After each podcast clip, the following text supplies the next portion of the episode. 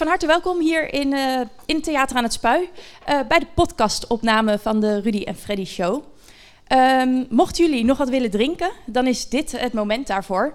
Omdat het een podcast is, zouden we namelijk graag uh, tijdens de podcastopname zelf vragen om allemaal ja, stil te zijn. Dus ook geen drankje te halen.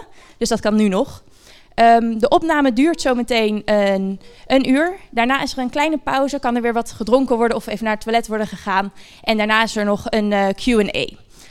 Um, verder is er vanavond een pay what you want principe. Dus uh, op het moment dat u na afloop naar buiten gaat, loopt u langs Bo van de kassa bij de uitgang.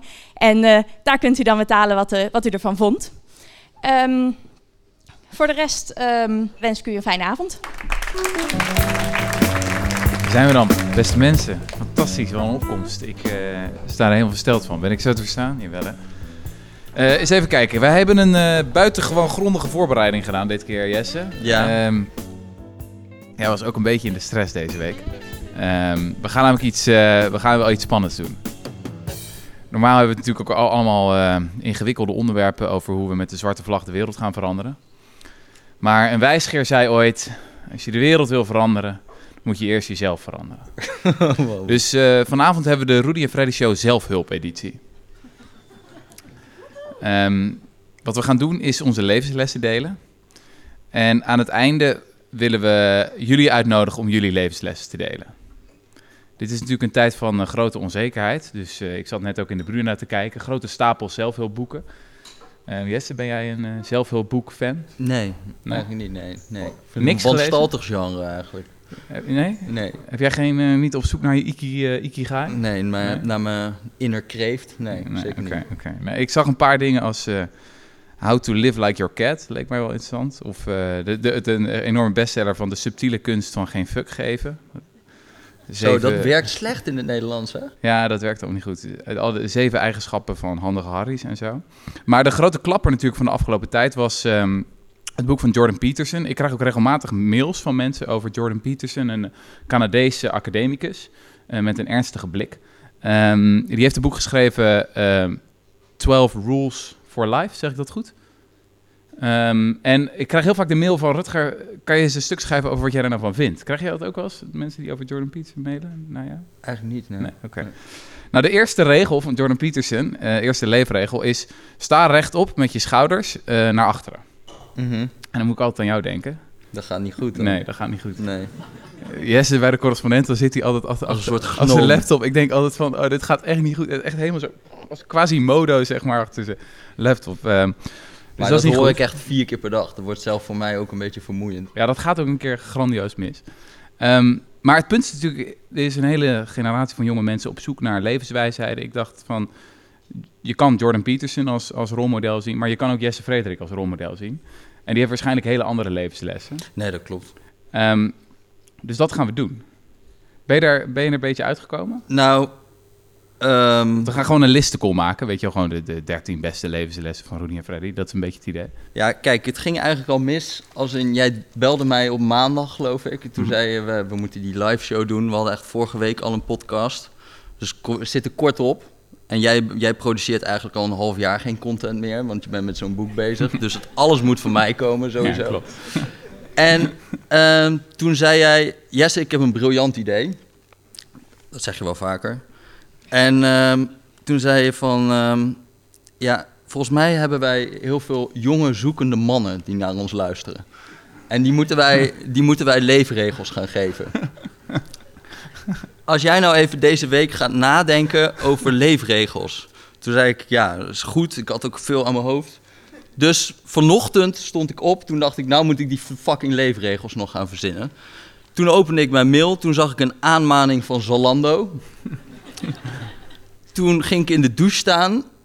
Die was aan het overstromen, maar dat is al anderhalve week zo en daar doe ik niks aan. Mm -hmm. Toen kwam ik hier. Toen was ik bij het verkeerde theater. Toen was ik weer bij het verkeerde theater. Toen kwam ik hier. Dit is echt waar. Toen, toen had ik een lichtbak moeten meenemen. Dat heb ik niet gedaan.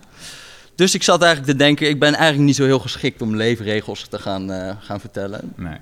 Dus ik, um, ik dacht eigenlijk, ik ga gewoon even gewoon wat, wat dingen die mij zijn opgevallen in het leven. En ik ga jullie niet uitleggen wat jullie moeten doen, want dat heeft toch geen zin. Dat lijkt okay. me niet helemaal okay. goed. Oké. Trap je hem af? Ik, ik, ik heb wel... Ik heb We doen gewoon ons de beurt. Ik vind- ja, we Jij doen begint met, een, met een, nou, een, een, een observatie en dan kom ik met een snoeiharde leefregel. Ja, dat, dat, dat, li- dat lijkt me goed. Oké, Oké, ik heb geconstateerd dat het grote verhaal vertellen, dat is overgewaardeerd. Grote ideeën die zijn overschat. Het gaat eigenlijk vooral om de toepassing van ideeën. Want ik heb er dus het idee dat iedereen de hele tijd wil dat er gewoon wordt nagedacht over ideologie en dat Mhm. we dan weten hoe het, eh, eh, wat we willen. Maar volgens mij hebben we helemaal niet zo'n probleem met weten wat we willen. Maar we hebben vooral een probleem met weten hoe we dat dan gaan bereiken. Hm. En dat is eigenlijk zoiets, een inzicht wat ik ook heel erg kreeg met, die, met, met al die schuldentoestand. Hè. Dus Mhm. daar merkte je heel erg dat iedereen wel ongeveer dezelfde kant op wilde. Maar dat er dan gewoon eigenlijk toch niet echt iets uitkwam of zo. En nu, en dat merk je gewoon in zoveel dossiers. Dus nu bijvoorbeeld ben ik een beetje over klimaatverandering en over al die, alles wat daarin gebeurt. Mhm. Nou ja, je ziet gewoon dat er allerlei gemeentes zijn. Je moet eens op Google intikken klimaatneutraal en gemeente. Mhm. Dan heb je gewoon allerlei gemeentes die zeggen we willen in 2030 al klimaatneutraal zijn. Ja, Klinkt mooi. dat is, dat is supergoed. Hè? Dit Ideaal. zijn- ideaal, maar hoe dan? Het mag weer. Het mag, ja, ja. Maar dan, maar dan, dan heb, vind ik het gewoon... Heel veel mensen hebben zoiets van... We zijn, we zijn allemaal met Cherry aan het bevechten en Mhm. zo. Maar niet aan het nadenken over... Oké, de grote meerderheid wil dit dus. Allemaal gemeentes die willen klimaatneutraal worden. Maar hoe gaan we dat dan precies bereiken? Ja, precies. Ja. En, Ja. daar is, en, en, en ik denk dus dat heel veel mensen hebben wel een ideologie. Maar je kan een ideologie pas toepassen als je weet wat er aan de hand is. Eh, dus heel veel dingen, heel veel dossiers zijn gewoon veel complexer dan je denkt. En het is niet even simpel van ik ga een schuifje draaien of zo. Er gebeuren allerlei dingen waar je echt veel kennis van moet hebben om te kunnen weten van oké, ik ben links, nu moet ik dit doen. Hm.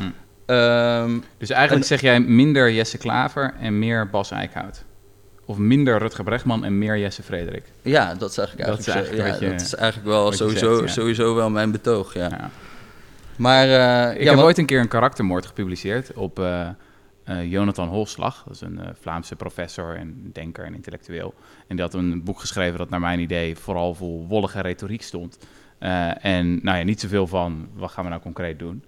Ehm, en toen kwam ik een quote tegen van John Kenneth Galbraith, de Amerikaanse econoom, die mij altijd wel is bijgebleven.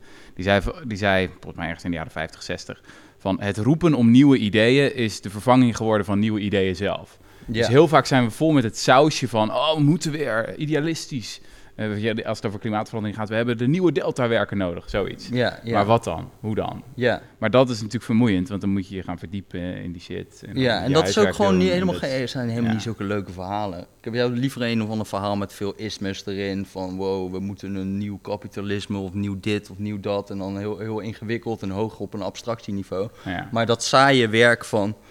ehm, nou ja, ik zou met, met die Bas Eickhout zeggen, net, dat vind ik een leuk voorbeeld.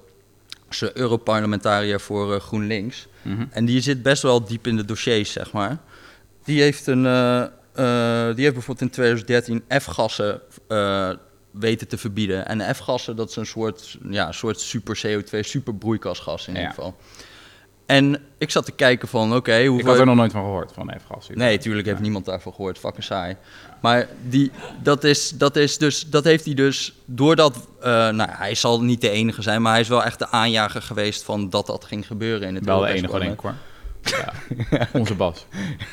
Ja, een gebrek aan dossierkennis, merk ik alweer. Nee, eh, die had, eh, die, dat heeft dus heeft hij tegen 2030 70 megaton CO2-equivalent wordt daarmee bespaard.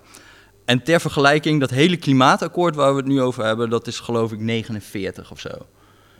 Dus die gast die heeft gewoon eigenhandig met iets waar, we, waar je echt bijna niks over leest. Of zo. Dat, Bas is niet anderhalf keer het dat klimaatakkoord. Ja. Ja. ja, dat is bizar toch? En, en, Moet je en in je denk, Twitter bio zetten. ja, dan moet je, dan moet je in je Ja. Twitter of Ja. Tinder. Ja.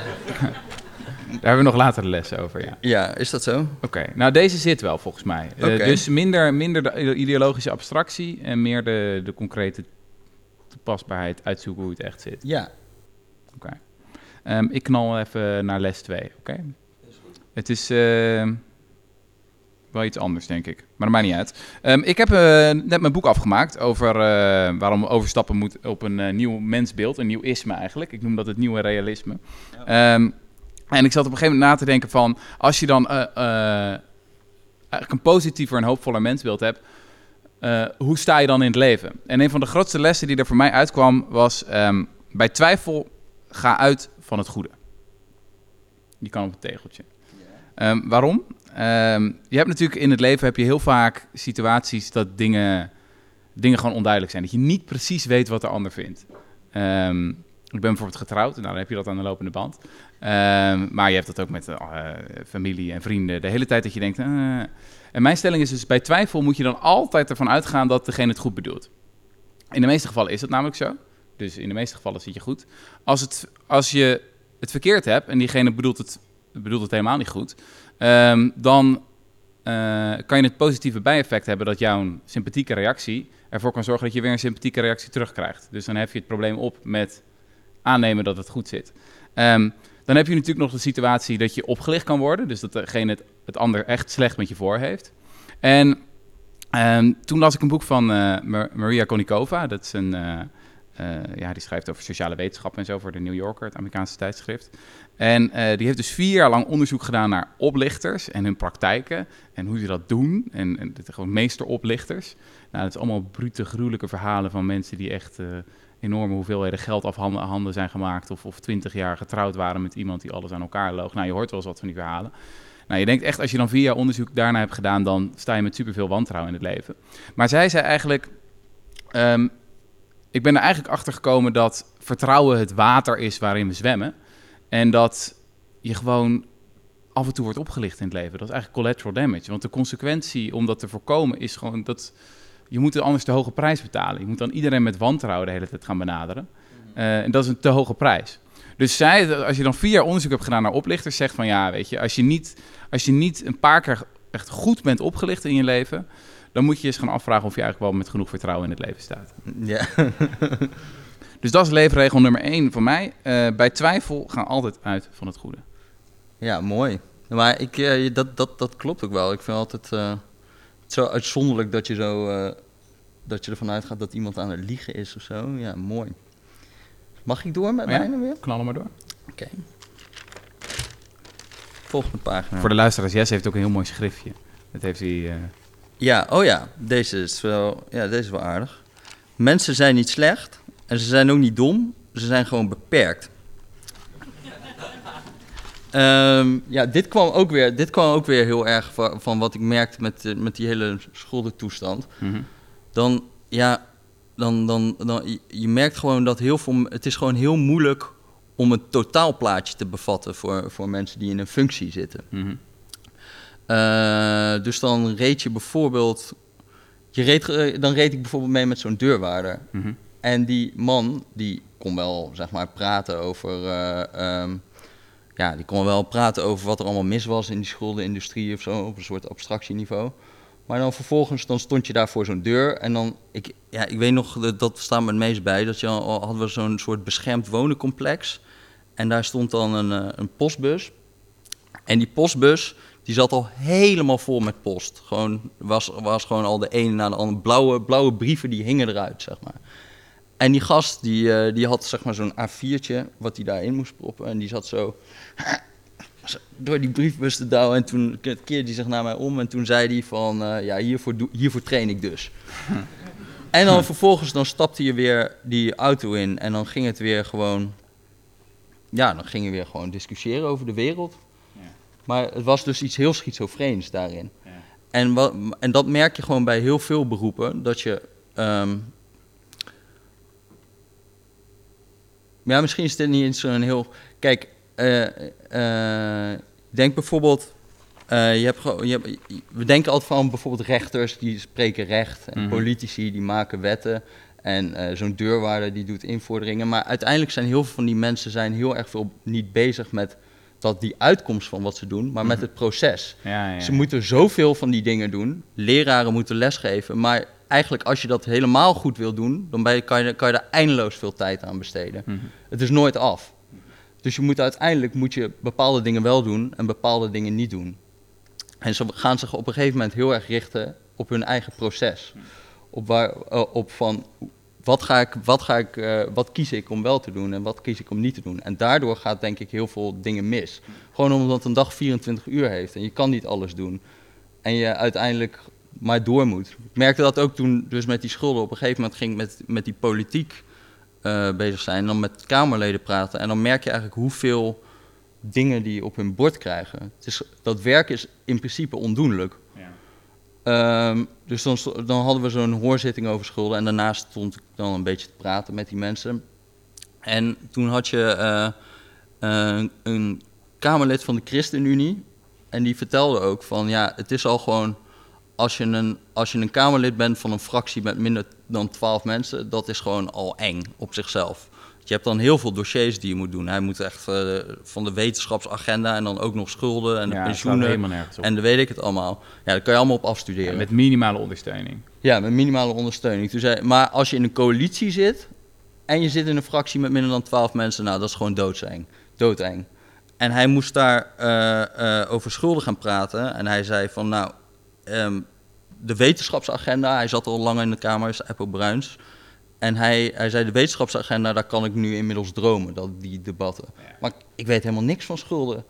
Ik, eh, ik heb helemaal geen overdracht gehad. Ik, weet, ik, weet, ik, Ja. bedoel, ik zwem hier gewoon. Ja, ja, ja. En het is best wel een, een raar. Is iets wat je eigenlijk de hele tijd als journalist tegenkomt. Dat het veel banaler is dan je denkt. Gewoon als je dan uiteindelijk bij zo'n. bij iemand waarvan je denkt: oh, daar ligt de macht. En die zitten eigenlijk ook te zwemmen. Ja. ja, dat is altijd... Dat, als je de journalistiek inkomt, dan denk je eerst van... Oh ja, de wereld is een complot. Er zijn slechte mensen. Er zijn machinaties achter de schermen. Eh, de elite die de touwtjes in de handen heeft... en die ervoor zorgt dat bepaalde dingen gaan zoals ze gaan. En hoe langer je in de journalistiek zit, hoe meer je door hebt... het is gewoon een zooitje. Het is Ja. niet...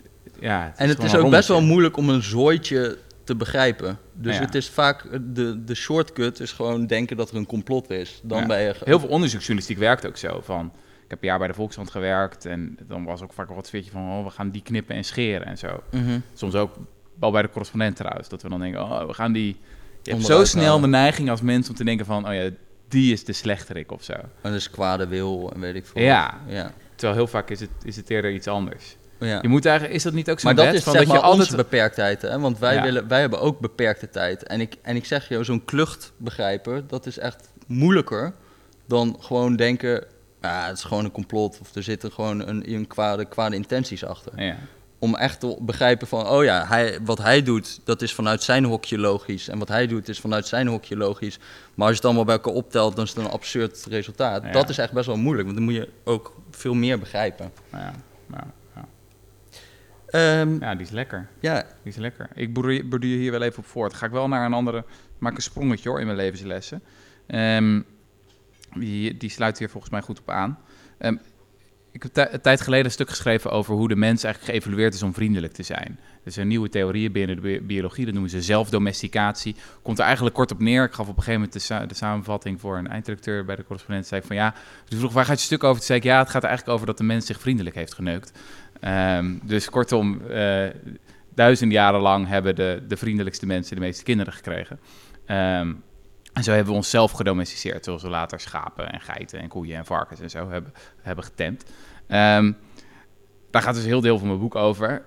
dat de mens dus eigenlijk een door en door sociaal en eh, relatief vriendelijk wezen is. Dat we goed kunnen samenwerken is en dat dat ook de geheim, het geheim is van onze soort.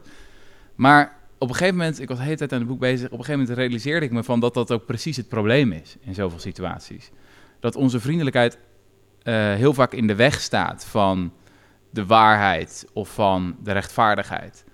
Weet je wel, dat we zo vaak geneigd zijn om iets niet te zeggen omdat het ongemakkelijk is. Of omdat het lullig is voor iemand die net, een, weet ik veel, zijn ziel en zaligheid ergens in heeft gelegd. Of, weet je wel, dus wat, wat psychologen disagreeableness noemen, dat je, heb jij wel een beetje, Jesse, ehm, dat je eh, eh, geen behoefte hebt om, of minder behoefte hebt om aardig gevonden te worden. Dat is precies wat we zo vaak nodig hebben, van dat soort, dat soort mensen. En ehm, eh, dat was dat soort van een, een, een levensles van de mens is van nature vriendelijk en dat is precies het probleem vaak. Dat vooruitgang of harde waarheden vaak helemaal niet worden gezegd door, door de vriendelijkere mensen. Ehm, maar door de mensen die ja, op een of andere manier lomp zijn of onaardig Of, of weet je, onredelijk en onrealistisch en zo. Het Ja, zijn eigenlijk helemaal geen leuke mensen. ja. Ja. Ja, en dat, er is ook een soort, ik volgens mij een theorie in, eh, in organisatiesociologie van dat je daarvoor hiërarchie ook nodig hebt. Omdat als je, als je geen Ah. hiërarchie hebt, dan gaan mensen conflict met elkaar krijgen. En nou kunnen ze het afreageren op één iemand. Zeg maar, dat, dat, ik merkte dat zo erg bij de correspondent ook. We hadden op een gegeven moment hadden we een idee met die salarisfilosofie. Mhm. Oké, was er een soort idee, iedereen die mocht dan zijn eigen salaris gaan invullen, wat hij zou willen hebben. Ehm, maar dat mocht dan niet meer gaan worden dan 80% van onze omzet of zo. Het kwam er eigenlijk op neer dat we met elkaar moesten gaan onderhandelen over wat wij vonden dat we moesten gaan verdienen. Eh, En het zou ook allemaal publiek worden. Dus iedereen weet dan van iedereen, weet wat, van iedereen wat ze gaan ja, verdienen. Ja, dit is Nou. het overigens niet zomaar een ideetje. Dit is door verschillende bedrijven uitgetest. Ja. En er zijn wel succesvolle casussen in binnen en Alleen wij buitenland van. Maar bij ons was het echt... Nou, eh, ik hoorde het dus, dus dat was wel de grap. Terreur. Van, wij, waren, wij waren gewoon echt best wel enthousiast in eerste instantie toen we het, toen we het hoorden. Die Ja, ik was heel naïef, Ik ja. dacht echt van... ik dacht, dit ging- past bij mijn goed. isme. Dit is... eh, Maar daar merkte je ook al heel snel dat, dat als je gaat zeggen, wat eigenlijk ook waar is, ja, als jij meer salaris krijgt, dan krijgt iemand anders in het bedrijf minder salaris. Dat, dat wilden we eigenlijk helemaal niet weten. We wilden gewoon, want dan krijgen we met elkaar ruzie. We moeten gewoon tegen Rob Wijnberg kunnen zeggen: hey, Eikel, geef mij meer salaris. Je wil die shit gewoon afschuiven. Ik heb helemaal geen zin om met mijn collega's in die clinch te liggen. En, en, en dat was wel echt iets wat ik heel erg onderschat had. Want je merkte gewoon dag één van... nou, we zijn van plan dit misschien te gaan doen. eh, laten we daarover stemmen. Nou, het was gelijk gewoon vergaderingen en gedoe en ingewikkeld en weet ik het allemaal. ja, Want daarvoor, toen begreep ik... oké, dat is de functie van Rob Wijnberg ook. ja. Je moet gewoon iemand hebben die gewoon de, eh, de boeman is. Beroemde uitspraak van Oscar Wilde, hè? Wat dan? Oh god. The whole problem with socialism is that it takes too many evenings. Ja, dat is ook... Ja. Ja. Ja. Ja. Het doet mij ook denken aan eh, psychologisch onderzoek naar de corrumperende werking van macht. Ik heb daar één hoofdstuk over. Ehm, dus eh, er is natuurlijk heel veel eh, studie naar gedaan door zowel psychologen als historici. En dat zie je heel vaak in de geschiedenis. Dat mensen die de macht krijgen, dat worden eigenlijk rotzakken. Nou, je hebt nu allemaal onderzoek dat ze mensen in de, in de scanner leggen of andere studies. Een ehm, bekende studie, ik heb gecheckt, twee keer gerepliceerd, eh, is dan eh, doen ze mensen eerst in een goedkope auto en dan rijden ze naar een zebrapad. En iedereen die goedkope auto geeft voorrang. En dan gaan ze in andere groepen in steeds duurdere auto's doen. En dan worden ze, gaan ze steeds lomper rijgedrag vertonen, doorrijden. Dus als je in een BMW rijdt, dan je, oh, ik rij gewoon door. Ehm, je hebt heel veel van dat soort eh, eh, sociaal-psychologische-achtige onderzoeken over ehm, eh, de, het soort van de corrumperende werking van macht. En sommige wetenschappers, sommige neurologen denken dat zeg maar heel bazaal proces dat mensen hebben, het, het, spiegelproces. Dus eh, ik begin te gapen, jij gaat ook gapen, weet je wel. Eh, jij zit aan je oor, ik ga ook even aan mijn oor zitten. Ehm, dat doen mensen, weet je wel. Wij zijn heel spiegelende wezens. We apen elkaar voortdurend na. En dat is ook weer echt onze, onze kracht natuurlijk. Dat we voortdurend dingen van elkaar leren en interacteren. Ehm, wat blijkt nou? Bij machtige mensen zie je dat veel minder. Die spiegelen veel minder. Ehm, ik weet dat je er sceptisch over bent, maar ik ga het toch vertellen. De delen in het brein die geassocieerd worden met, eh, met gespiegel... eh ligt ook minder op bij, bij machtige mensen. Wat precies handig is soms als je vooruitgang wil boeken. Want als je, elkaar de- als je vast zit ergens en bent elkaar alleen maar aan het spiegelen en iedereen doet elkaar na, dan heb je misschien soms iemand nodig die gewoon ja, eh, niet eh, verbonden is met andere mensen en eens een keer iets anders gaat doen. Ik wil niet zeggen dat het altijd goed is hoor, maar eh, Ja. Er is, dus de, eigenlijk is al die vriendelijkheid gewoon niet werkbaar. En daarom hebben we gewoon eh, eikels uitgevonden die heten bazen.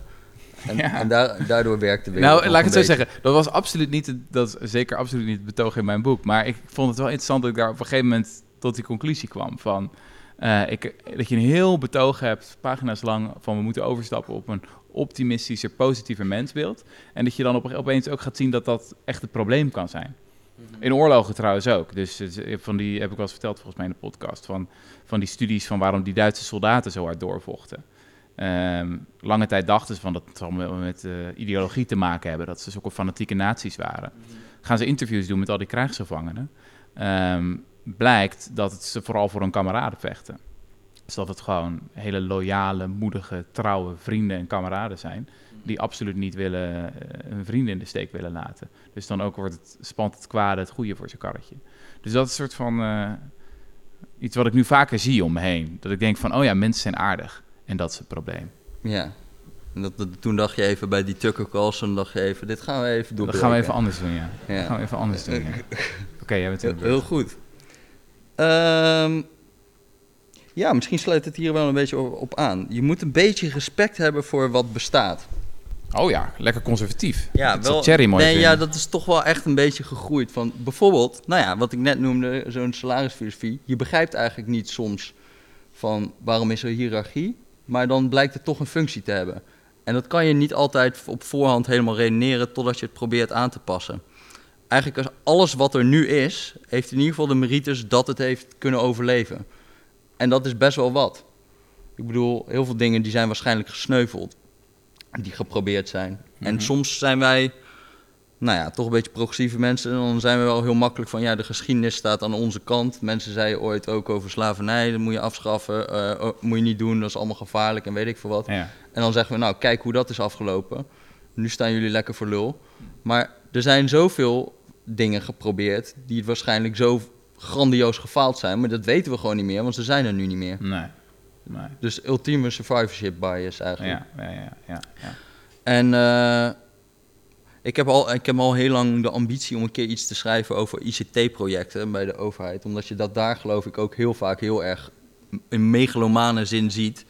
Van, ze hadden nu bij, ze hadden bij eh, nou dat vond ik mooi, bij de rechtspraak probeerden ze, probeerden ze een soort enorme operatie, KEI heette dat. En dan wilden ze de hele eh, rechtspraak gaan digitaliseren. Maar digitaliseren betekent vaak dat je dingen, processen ook heel erg moet versimpelen. Want code werkt gewoon in logische stappen. En heel veel dingen die in de wereld gebeuren zijn allemaal met rare uitzonderingsmogelijkheden en, en, en niet zo simpel. ja. Nou is dat procesrecht in Nederland is echt 200 jaar lang gegroeid met allemaal informele regels en, en, en ongezegde dingen. En nou, dat is gewoon een heel wankel construct. En zij Mhm. dachten even van, ja, we gaan naar die digitalisering. Oh ja, dan doen we ook even dat hele procesrecht hervormen, want dat maakt het dan simpeler. Ja. Nou ja, dat liep dus totaal in de soep. Eh, dat werkte niet. Dat was zeg maar, eh, dat bleek dan bleek in één keer van ja, dat heeft toch ook wel een logica, zeg maar. Alles wat zo van buitenaf heel complex en ingewikkeld met allemaal uitzonderingen heeft, Hm. daar kan je niet zomaar even aan gaan sleutelen en dan, flik, dan, dan werkt het nog. Dat is wel echt grappig, want dit argument is echt een klassiek conservatief argument. Edmund Burke, de, wat is het, de Britse conservatief, die zei dat over het ancien regime, weet je wel, de, Ja, voor dus de Franse dat is revolutie. Die zei, helemaal. dat we, weet je, die, die koningen en zo, en die, die edelmannen, en dit is allemaal vervelend, en ik snap dat wel, en dit is niet allemaal, maar het werkt wel. En het heeft al, eh, ik bedoel, de Franse eh, koningshuis bestaat al eeuwen. Dat kan je niet zomaar omver gooien. Ja, dus dat is heel gevaarlijk wat ik nu zeg eigenlijk. Ja, Maar soms klopt het wel. Soms klopt het wel. En ik denk dat wij daar soms wel ook te makkelijk overheen stappen. Zeg, het omgekeerde is natuurlijk ook niet waar. Maar je moet ook, eh, je moet dus gewoon een soort respect hebben voor het bestaande. En ik denk dat je, eh, vooral als je dingen voorstelt, moet het terug te draaien zijn. Ja. Is het niet ook dat we vaak gewoon niet begrijpen waarom iets werkt? Dat we denken dan eh, van we kunnen ehm bepaalde bureaucratie in de, rechtszaak zo, in de rechtspraak zo digitaliseren, want het is gewoon dit en dat. En als je dat overzet naar computer, dan heb je het gedaan. Terwijl we eigenlijk niet weten van hoe mensen op, op microniveau of op lokaal niveau, wat voor... Ja, Ja, en sowieso zeg ze maar, allemaal hebben. al dat hele kader, alle regels die er zijn, Mhm. die gebruiken mensen ook vaak anders dan hoe ze bedoeld zijn. Ja, precies. Dus, ja. dus, ja. dus de, op lokaal niveau is er een hele andere logica eigenlijk. eh, dan, dat, dan dat er ooit is verzonnen in die regels. Ja, je hebt ook, nou ja, je hebt er ook al, natuurlijk allemaal voorbeelden met architectuur hiervan. Weet je wel, de Bijlmer was echt zo'n utopische blauwdruk waarvan, Ja. waarvan mensen van bovenaf dachten. We gaan even, dit is leuk, dit ziet er leuk uit, dat vinden de mensen leuk. Gewoon eh, snelwegen langs je flat. En eh, ja. en gewoon niet nergens waar grote, grote open ruimtes en pleinen. Ja, dat vinden mensen vreselijk. Eh, en uiteindelijk wordt zelfs die Belmar, die wordt dan weer op een andere manier gebruikt. En mensen maken er ook weer wat van. Weet je, dus kan zelfs die blauwdruk wordt weer heel anders gebruikt. En dat heb je zoveel. Ik vind het mooi. Een beetje respect voor wat besta- bestaat. Beetje, beetje respect voor het bestaan. Ja, erin. Oké, eh, we gaan door naar de volgende. Ehm, ik ehm bordeer er misschien wel een beetje op voort. We kennen allemaal natuurlijk de gulden regel, de gulden leefregel. Ehm, Confucius, eh, in de Bijbel staat het Jezus ook. Christus. Eh, Jezus, heel appropriate, toch? Of is eh, Plato, alle grote wijsgeren in de geschiedenis zijn er wel een keer over begonnen. Dus je hebt de positieve va- variant van behandel anderen zoals jij zelf behandeld wil worden. En de negatieve variant van wat gij niet wilt dat u geschiet, doe dat ook een ander niet. Ehm, en ehm, ja, dat is gewoon echt heel veel ouders, denk ik, van over de hele wereld leren die leefregel. En ehm, sommige mensen hebben gezegd dat die niet klopt. En ik ben het er eigenlijk wel mee eens. Eh, want het punt natuurlijk is, ehm, als je zegt behandel anderen zoals je zelf behandeld wil worden, dan zeg je eigenlijk van ja, maar die andere wil behandeld worden zoals ik behandeld wil worden. Maar dat, is helemaal Wow. niet, dat, dat hoeft helemaal niet per se zo te zijn. Je doet eigenlijk al een aanname over die ander. Dus er was een mooie uitspraak van George Bernard Shaw, die zei: eh, Doe niet voor anderen wat je wil dat zij voor jou zouden doen. Ze zouden wel eens een andere smaak kunnen hebben. Ja, dat is mooi toch? Ja. En dat noemen ze de platinumregel. de platinumregel. Dus Rob Wijnberg die, die vatte dat ooit, eh, eh, ooit samen als... ehm, toen hij een kop voor mijn stuk bedacht, zei hij van... eh, wat gij niet wil dat u geschiet, overleg dat eerst even. Stel eerst een vraag. Je hebt geen idee wat die ander vindt. En dat is natuurlijk een soort van... Daarom ben je Ja, het klinkt ook. best wel logisch, maar hoe vaak maken we die fout niet in ons persoonlijke leven en in de politiek? Dat we aannemen wat de ander denkt, dat we denken dat we het al weten. Terwijl als je een vraag stelt, dan komt er ineens iets heel anders en raars uit of zo. Mhm. Ehm, politieke voorbeelden. Hoe vaak hebben we niet gesprekken over eh, vluchtelingen of zo, terwijl er geen vluchtelingen aan de talkshowtafel zit, weet je wel? We helemaal geen idee hebben van Mhm. wat is het perspectief daar? Nou ja, je hebt het zelf in je werk met, met eh, schuldenproblematiek vaak meegemaakt. Enorm veel verhalen dat we aannemen van, oh, het zal wel zo zitten, het zal wel zo zitten. Mhm. Eh, stel eerst eens een vraag. Mhm. Ja, vind ik gewoon goed. ja. Platinumregel. Ja, Dat mooi. is mooi toch? Dus gewoon al die ouders die dat doen, die moeten daarmee ophouden. Want dat is een hele slechte les, die gulden regel. Ja, die moet ze even Moet- updaten. Moeten- Update naar de platinumregel. Gulden regel 2.0. Ja, dat is belangrijk. Mooi man. Jij bent. Ehm, ja, ik, ben, ik heb eigenlijk, dit is eigenlijk mijn laatste al bijna. Oh, maar niet uit. dat Ik heb, nog heel, jij hebt nog ik heb nog heel veel. Ja. Oh, dat is prima dan. Ja. Ik eh, zei, ik had eh, ontwikkel je eigen kompas. Dat jij zelf kan inschatten, onafhankelijk van wat heel veel mensen vinden, wat groot is en wat klein is, wat belangrijk is en wat minder belangrijk is, wat er toe doet en wat er niet toe doet. Mhm. Dat zie, ik, dat zie je heel weinig. Dat heel veel, heel veel prioriteiten worden gesteld doordat gewoon er veel mensen over praten. Maar ja, ik, ja, ik ondervind eigenlijk telkens dat, dat gewoon heel veel mensen niet kunnen inschatten wat groter is dan iets anders. Zowel in, in geld bijvoorbeeld. Van we maken geld, heel erg druk dat- over, weet ik veel, daar is 2 miljoen verspild, terwijl een ander ICT-project 4 miljard heeft gekost of zo. Ik zeg maar wat. Dat, dat is Eh. wel de discipline die geld geeft, inderdaad. Je kan wel, je kan, zeg maar, voor heel veel mensen is het gewoon 1, 10, 100, 1000 heel veel. Ja. En, maar zeg maar, dat je een verschil kan zien tussen 1 miljard en 10 miljoen, Mhm. dat helpt wel. En er zijn gewoon heel veel dingen waarvan je dan denkt van, ah, maar waarom, ah, waarom heeft dit totaal geen aandacht gekregen? We hebben het een keer over die erfbelasting gehad, hè? Mhm. Nou, dan. eh, dus dan hebben ze dus gewoon de schenkingsvrijstelling ooit eh, eh, verruimd. Dus dat betekent dat je gewoon een ton mocht schenken aan je kinderen voor een eigen woning. Mhm. En daar hoeft je geen belasting over te betalen. En normaal was dat wel 20%. Nou ja, was afhankelijk van wat, het, wat je inkomen was. Maar. ehm, nou ja, dat was voorspeld dat ging 100 miljoen kosten. Dat werd 1 miljard. En op basis waarvan hadden ze dan voorspeld dat het 100 miljoen zou kosten?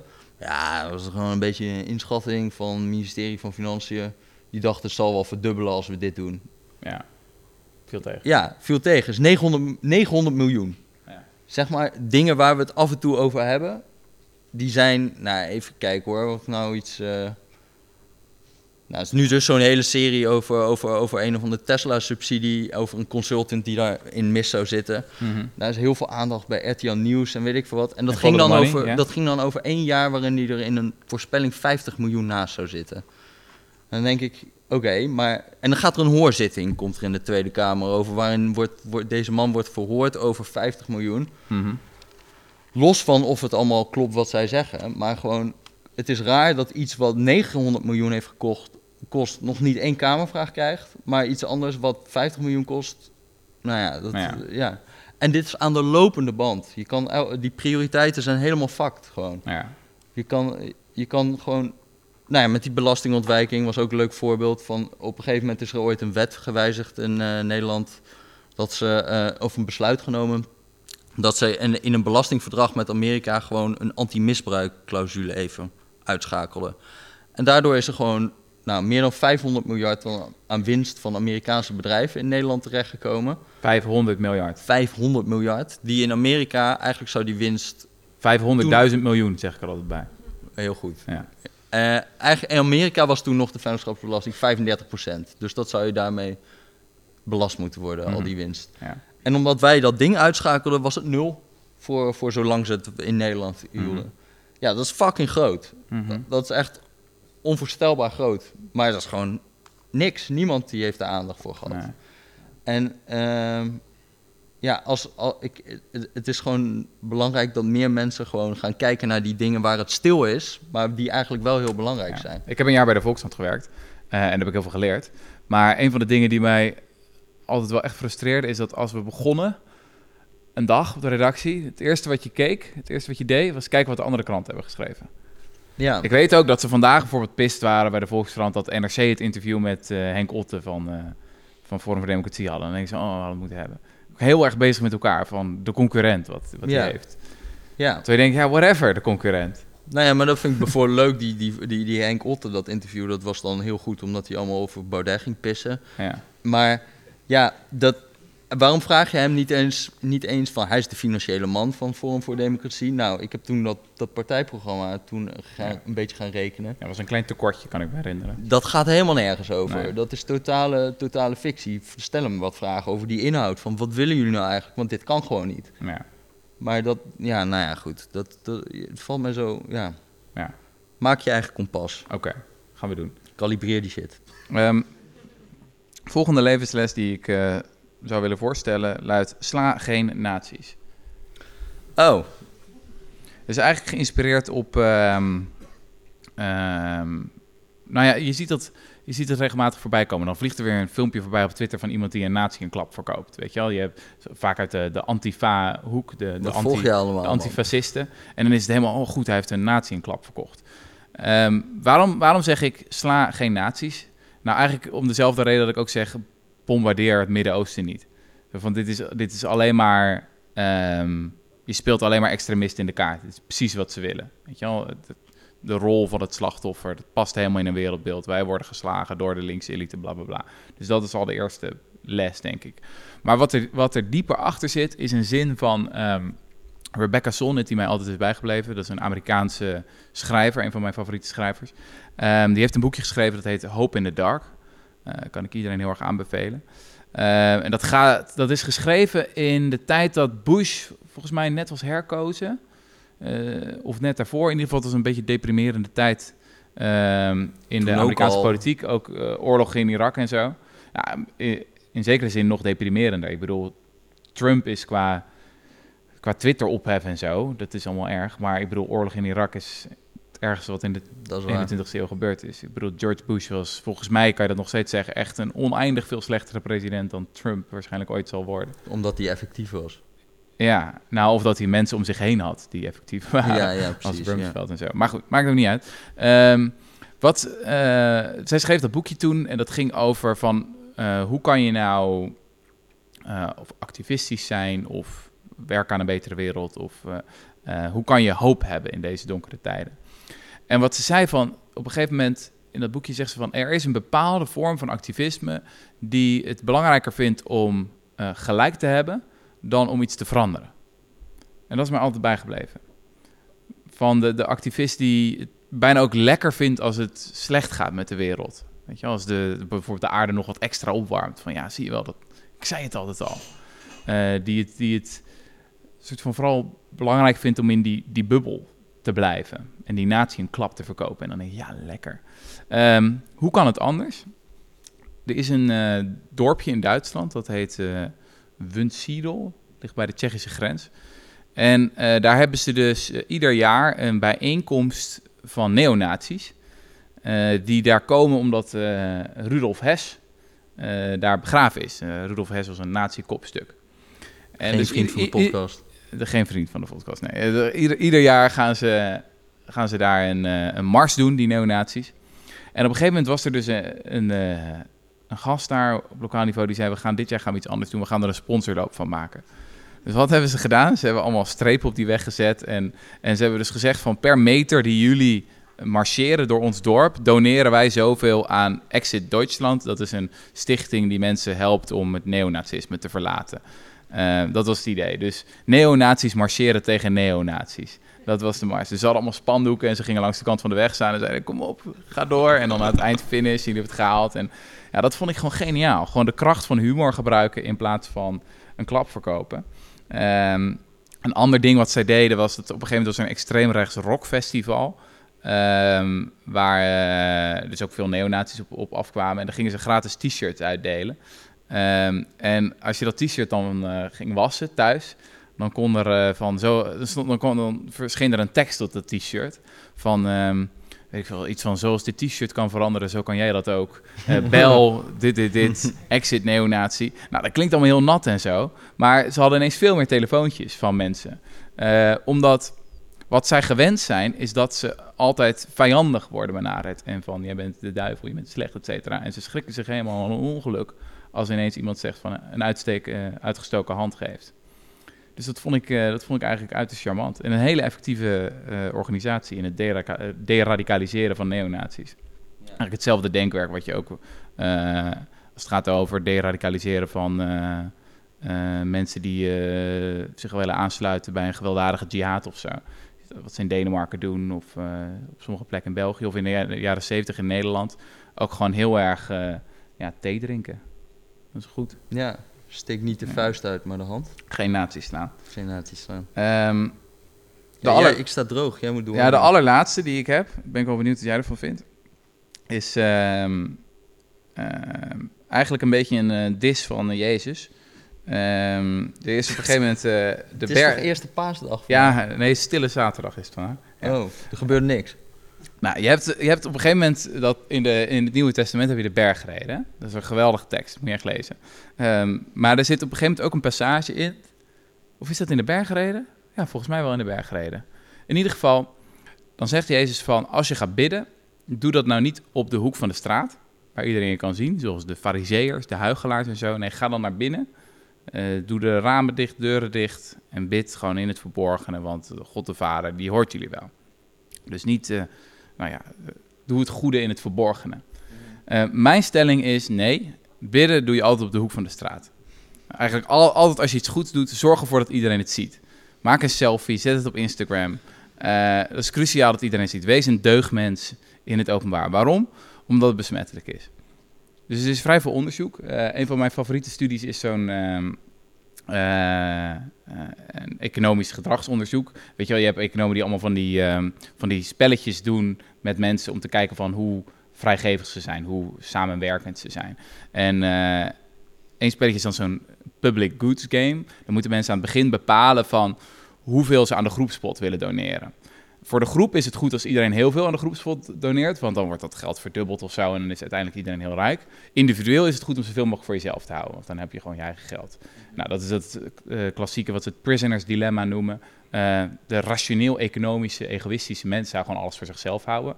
Um, de samenwerkende, mooie mens, waar ik in geloof, die geeft gewoon best wel wat geld aan die groepspot. Nou, blijkt ook te gebeuren. Mensen geven wel wat cent aan die groepspot. Maar wat was het mooie nou in deze studie? Ze gingen uh, dat een aantal rondes achter elkaar doen. Dus je zat eerst met vier uh, of met drie anderen in een, in een groep en dan moest je wat aan die groepspot doneren.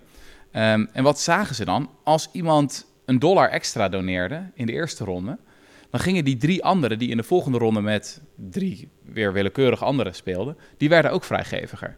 Want die hadden zoiets van, ja, dat is eigenlijk wel leuk. En dat effect was zelfs nog meetbaar in de ronde daarna, als ze nog doorspeelden.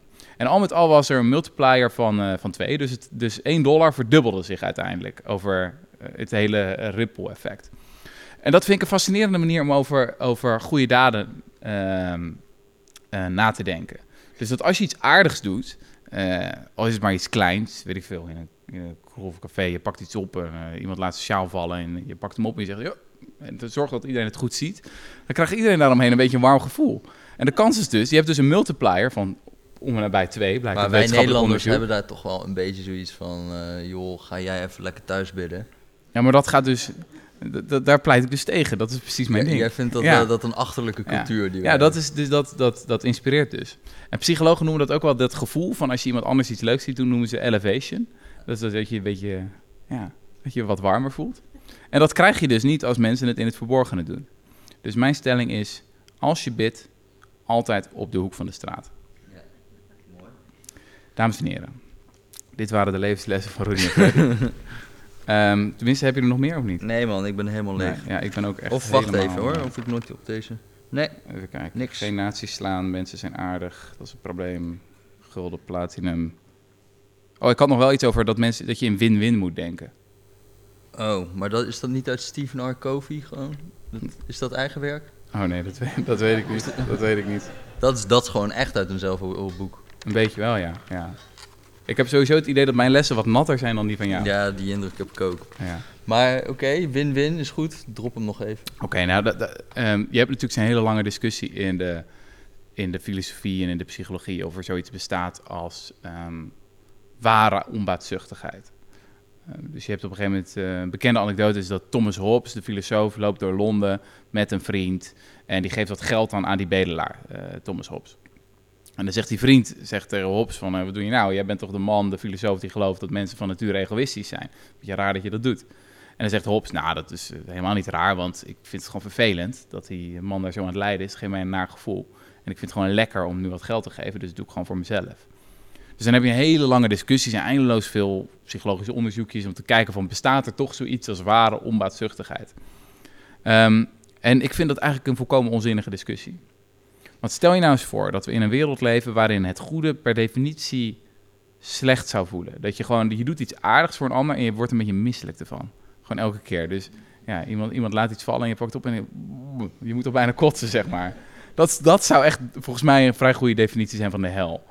Het is behoorlijk relaxed dat we in een wereld leven waarin het goede ook goed voelt. Weet je wel, eten is lekker en het is goed, gaan we niet dood. Seks is lekker en dat is goed, want dan planten we ons voor. Dus het goede, iets goed doen is goed, want het...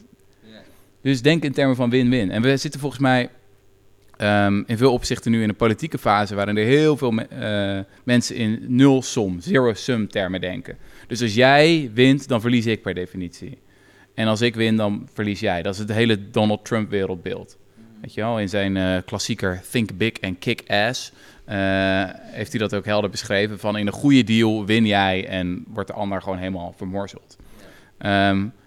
Zo- ik denk een soort van rode draad in veel van de stukken die ik heb geschreven. eh, gaat het echt over win-win situaties. Waarin iets efficiënter, goedkoper en leuker is voor iedereen. Weet je wel? Dus eh, armoede uitroeien is gewoon beter voor iedereen. Dat is goed voor de portemonnee, is goed voor je geweten, et cetera. Het, het ultieme voorbeeld daarvan eh, kwam ik denk ik tegen in de, in de literatuur over vergeving. Ehm, je hebt daar eh, zo'n boekje, dat heet The Forgiveness Project. En dan vragen ze allemaal mensen die echt hele nare dingen hebben meegemaakt... van moorden en geliefden verloren, et cetera. Maar die toch uiteindelijk het gelukt is om de dader te vergeven. En die, vroeg, die vragen ze dan van waarom doe je dat? En bijna iedereen zegt, ik deed het eigenlijk voor mezelf. Want ik wilde in eerste instantie mezelf eh, bevrijden. Maar, en natuurlijk, uiteindelijk deed ik het ook voor die ander. Maar het is win-win. En het hoeft niet een soort van keuze daarin te maken. Win-win. Mooi man. Yes. Ja. Oké, we gaan even pauzeren. Pauzeren? En dan, eh, ja, dan gaan we pauzeren. Dat heb ik net afgesproken met de leiding. Ehm, en dan gaan we naar jullie toe. Eh, dan hebben jullie even na- tijd om na te denken over onze levenslessen, alle problemen daarmee. En we zijn ook heel benieuwd wat die, eh, wat die van jullie zijn. Tot zo. ja, pauzeren? Ja, dat is echt. Ja. Leuk man.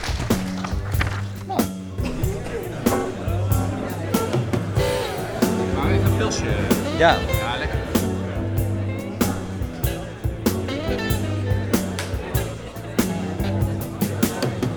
Ja, lieve mensen, trouwe luisteraars. Ehm, we zijn bij de Q&A aangekomen. Ehm, je kan verschillende dingen doen nu. Je kan een opmerking plaatsen. Je kan een vraag stellen. Maar je krijgt eigenlijk de meeste punten wat mij betreft als je je eigen levensles deelt. Eh, dus eh, zeg even wie je bent. Misschien iets over je achtergrond. En eh, brand los. Eh, ja. Wie heeft er wat? Kom maar op.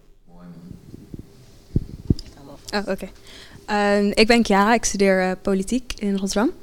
Ehm, en ik heb ook een levensles. Die is van, eh, niet van mezelf, maar van een andere podcast, eh, Invisibilia van NPR. Een geweldige podcast. Ja, klopt. En eh, dat is, ja, in, ik zou het verwoorden als je hoeft niet alles te geloven dat je denkt. Eh, niet alles wat je denkt is waar. Ja. Eh, want nou, als je hem kent, daar is die aflevering van die man die denkt dat hij zijn vrouw gaat vermoorden. Maar dat is helemaal niet zo. Ehm, en dan gaat hij naar een psycholoog en die zegt van... oké, je hebt hier een mes, ervan vermoord er maar. En dan zegt hij zo van, ja, maar dat wil ik helemaal niet. En eh, dan komt hij er soort van achter dat het een soort van obsessie is die hij had... maar dat eigenlijk helemaal niet zo was. En dat zie ik bij mezelf heel erg en ook bij anderen... dat soms denken we dingen en dan raak je er zo in verloren. En hoe meer je denkt van, oh, ik moet het niet denken of dit is slecht... dan hoe erger het wordt eigenlijk. Dus eigenlijk, ja, de helft van de dingen die we denken... dat is gewoon misschien helemaal niet waar. Gewoon ruis. Ja. Spam. Dat is mijn levensles. Ja, die vind ik echt geweldig. Dat vind ik de beste van de avond. Heb je die podcast wel eens geluisterd? Secret History of Thoughts is dat van Invisibilia. Het is een heel, heel mooi verhaal wat ze daarin vertellen. Met inderdaad een soort van de conclusie van... En dat is, heel baza- dat is ook een basale les natuurlijk van het boeddhisme en van cognitieve gedragstherapie en heel veel van dat soort stromingen is van je hoeft niet te geloven wat je denkt. Dat is echt wat ze kinderen moeten leren in het onderwijs. Echt ophouden met al die dingen als, als, als management en organisatie en economie en Latijn en zo. Als, als, als je kinderen alleen maar vertelt van je hoeft niet te geloven wat je denkt, oh, dan gaan we zoveel leed voorkomen. Je- hoeft niet. Het is gewoon, je kan het ook gewoon soms zien als... Het is wel heel moeilijk, ik ben, ik ben wel moeilijk uitvoerbaar. Van, zeg maar, eigenlijk, je moet niet zo onder de indruk zijn van jezelf en wat je denkt. Maar ik heb ooit wel eens gewoon in groep drie of zo gedacht van... eh, ja, eerst vond ik echt Power Rangers te gek en nu in één keer Transformers. Toen, heb ik eigenlijk al, toen constateerde ik al van, dat is eigenlijk raar. En eigenlijk is dat gewoon constant. Als je terugkijkt naar wat je een jaar geleden of twee jaar geleden dacht, denk je van, wat ben jij een prutser ook, jongen. Ja, Hoe kan dit nou? Ja, en, ja, maar de kans is groot dat wat we nu weer hier allemaal hebben zitten debiteren, dat dat over twee jaar, dat we dan ook weer denken, joh, ja, ja, ja. wat wist je weinig. Maar toch zijn we, toch weet ik dat, zeg maar theoretisch. Mhm. Maar ik vind toch echt dat ik nu gelijk heb. Ja. ja. Er zijn weinig mensen die weten. Soms moet je, dat is ook, merk ik bij stukken, als je het gewoon, eh, als, als je het even laat liggen, een maand of anderhalf of zo, en dan nog eens gaat kijken, dan heeft het zo'n andere lading dan wanneer je er middenin zit of zo. Mhm. Dan is er al heel veel veranderd. Dan heb je niet zo'n attachment aan, of dan kan je er al wat nuchterder naar kijken. Ja, precies. Dan kan je allemaal darlings killen en zo. Ja. Ja, dat is wel echt zo. Ik wou nog één ding toevoegen. Oh. Eh, er zijn weinig mensen die weten dat ehm, eh, Rob, Rob Wijnberg, zijn vader is Jeffrey Wijnberg. Die schrijft voor eh, de Telegraaf. ja, zeg maar. En die is eh, provocatief therapeut. Dus dat is eh, wel een beetje in, in deze lijn. Ehm, van, ik, ik zal het ongetwijfeld niet helemaal goed samenvatten. Maar ehm, laten we zeggen, je worstelt met gedachten over van... Ik, ik maak mezelf van kant en dan zegt de provocatief therapeut... Zegt, doe dan. dat is een beetje... Nou, doe- probeer, dit, probeer dit niet thuis. dit zijn professionals die dit kunnen doen. Maar heel erg goeie- ik ken, ik ken Of hij is ook bekend van de nou-en-methode. Dat vind ik ook heel mooi. Die pas ik vaak toe in mijn leven. Van, oh, er is wel een probleem met het nou-en. En dan, ja, maar dat is dit. en dat. Ja, nou-en. En gewoon net zo lang nou-en zeggen tot het probleem is opgelost. Dat is briljant. Een van zijn boektitels van Jeffrey Wijnberg is ook een favoriet van mij. Is, in het diepste van de ziel is niets te zien. zo mooi. Allerlei problemen verdampen gewoon. Ja. Wat zou je nog zeggen? Nee, ik, ik, ik heb wel eens een verhaal gehoord van iemand die naar Jeffrey Rijn- Wijnberg voor therapie was gegaan, voor relatietherapie. Een beetje ongerelateerd dit, maar goed, whatever. Maar die, maar die, die, eh, die lagen in een scheiding of zo. Of, nou, nee, nog niet, nog niet. Dus dat was de vraag, van, eh, gaan, die, gaan die dan scheiden? Ja. En eh, toen, eh, toen zaten ze daar, eerste vraag die... Dit kan wel allemaal in het openbaar verteld worden? Dat kan ook nog geknipt worden, Ah, toch? Oké. Ja. We kunnen- oké. Maar die, die, die, eh, die zei. Die, toen was de eerste vraag die Jeffrey vroeg: Nou, hoe, hebben jullie nog seks? Zo, nee. Hoe lang al niet? Ah, vijf jaar. Oké, nou, man, als jij eventjes gewoon nu naar de gang gaat, dan eh, gaan wij even nu met elkaar praten. Dus toen ging hij met die vrouw praten en toen zei hij eh, van, nou, dit gaat nooit meer wat worden. Ehm, jij, jullie moeten gaan scheiden en jij moet het allemaal alleen gaan doen. En toen dacht die vrouw, die dacht, eindelijk iemand die het zegt. En toen zijn ze gescheiden. Maar toen dacht ik, zijn methode is natuurlijk, als zij het omgekeerde reactie heeft, wat is dit voor man die mij zegt op basis van twee vragen, Ja, dit is ja, ja, wat een ja. belachelijke onzin. Nou, dan heeft hij ook gewonnen. Ja, ja, Dus hij heeft ja. gewoon eigenlijk... Dat, dat was de logica van provocatieve therapie, geloof ik. Maar het is wel totaal onverantwoord. Ja, ja. De volgende levensles. Eh, ik ben Boudewijn. Ik ben hier met Onno. En hij heeft de kaartjes geregeld. Dat vind ik heel lief. Daarnaast wil ik nog graag één praktische invulling geven van veel van de tips die we vanavond hebben gehoord. Ik was vroeger heel socially awkward. En wat voor mij heel erg heeft geholpen, als ik nieuwe mensen ontmoet, dan doe ik als het ware alsof ik een labrador ben. Dus dan reageer ik, dan reageer ik gewoon heel enthousiast en blij op wat ze zeggen. En stel ik veel vragen. En iedereen reageert daar goed op. Iedereen wordt daar enthousiast van. Dus dan heb ik toch iets geleerd van die, van die vele jaren evolutie. Ja, dit is misschien wel de beste vanavond. Ja. Wij kunnen echt een zelfhulpboek gaan schrijven. En dat gaan we echt heel veel geld aan verdienen als we dit... eh Wees een Labrador. Dat is nu al een titel. ja, dat is een titel, ja. Ja, dat is fantastisch. Hi, ehm, ik ben Wendy. Ik eh, werk als social media manager bij de Universiteit voor Humanistiek. Ehm, en daarnaast freelance voor Consumentenbond, ehm, GroenLinks, et cetera. Ik heb een hele praktische eh, levensles. En dat is koop deze telefoon. Oh. Ehm, hè?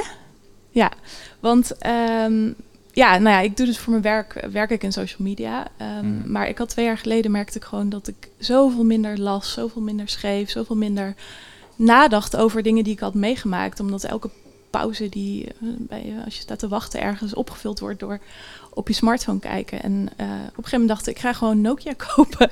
En dat is een jaar of twee geleden. En ik kan er niks mee. Ik kan niet eens foto's maken. Ehm, maar het heeft zoveel toegevoegd aan mijn leven, of teruggebracht eigenlijk, van wat ik was verloren.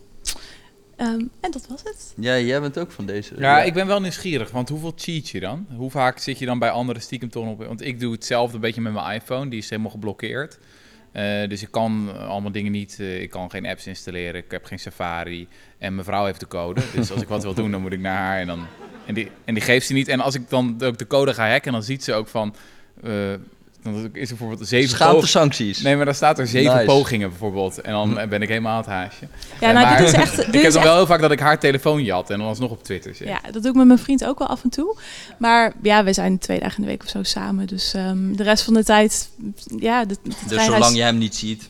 Ja, precies. De treinreis hier naartoe heb ik echt een fantastisch boek van Hans Rosling, nog een tip. Factfulness.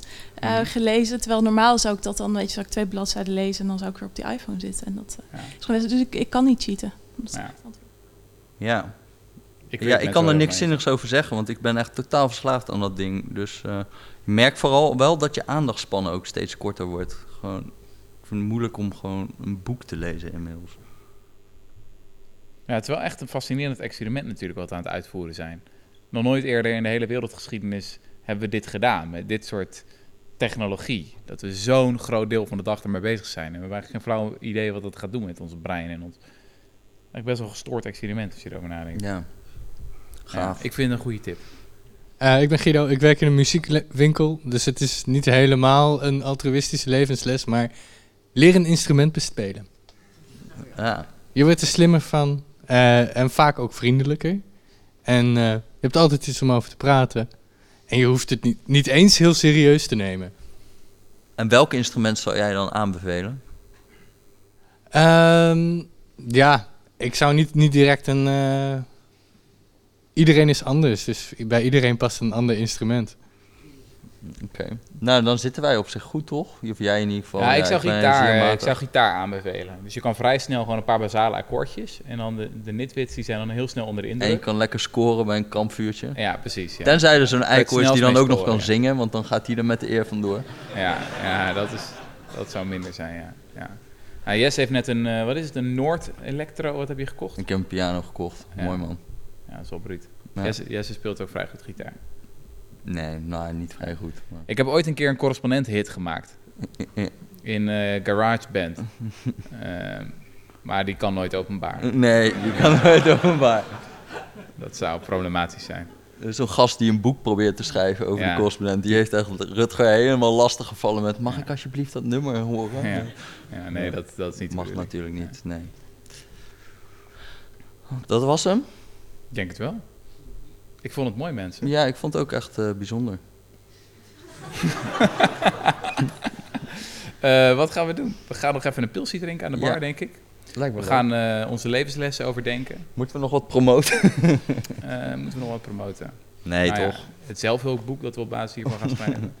Eh, in juni komt eh Jelmers eh, boek uit. Misschien moeten we binnenkort even Bas Eickhout dan uitnodigen. Ja, dat lijkt me eh, leuk. nieuwe vriend van de podcast. Dat gaan we Als je luistert, Bas. Ja. Eh, de volgende live show, dat zal nog wel even duren. Gaan we vast nog wel een keer doen. Ja. Ehm, dank dat jullie er waren. En tot de volgende keer. Ja, dat ben je.